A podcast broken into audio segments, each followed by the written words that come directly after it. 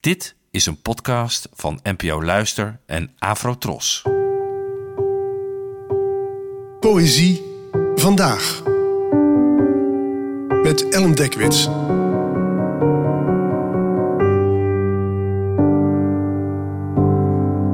Hallo, fijn dat je luistert.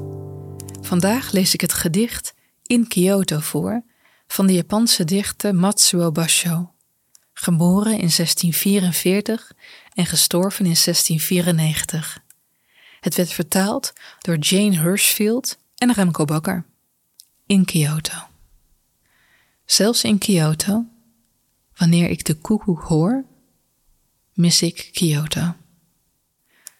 Matsuo Basho is een van de beroemdste dichters van Japan.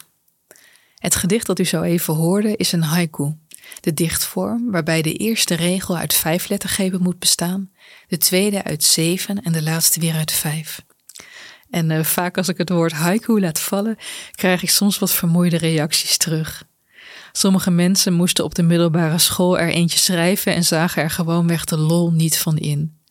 Zij zagen er geen kans in om te oefenen in bondigheid, maar slechts de zoveelste verplichting. Een vriend zei zelfs eens dat haiku's nergens op slaan. Als je namelijk zo weinig lettergrepen hebt om iets te zeggen, dan zeg je, volgens hem dan, toch helemaal niets? En dit gedicht van Bachot bewijst voor mij het tegendeel. Wat ik heel knap vind zijn de universele gevoelens die in slechts 17 lettergrepen worden opgeroepen. Heimwee, nostalgie. Toen ik het voor het eerst las, moest ik denken aan mijn basisschoolplein, toen ik daar voor de eerste keer weer eens kwam als jongvolwassene. Ik kende elke plek nog.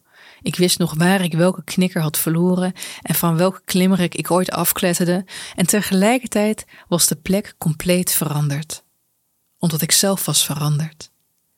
Het was alsof er twee basisschoolpleinen waren, die uit mijn jeugd en die waar ik mij als volwassene bevond.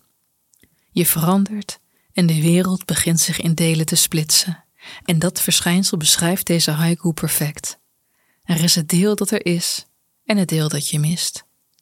Zo gaat het splitsen en vertakken van de wereld door en wordt het bestaan alleen maar wijder en wijder. Bedankt voor het luisteren en tot de volgende keer.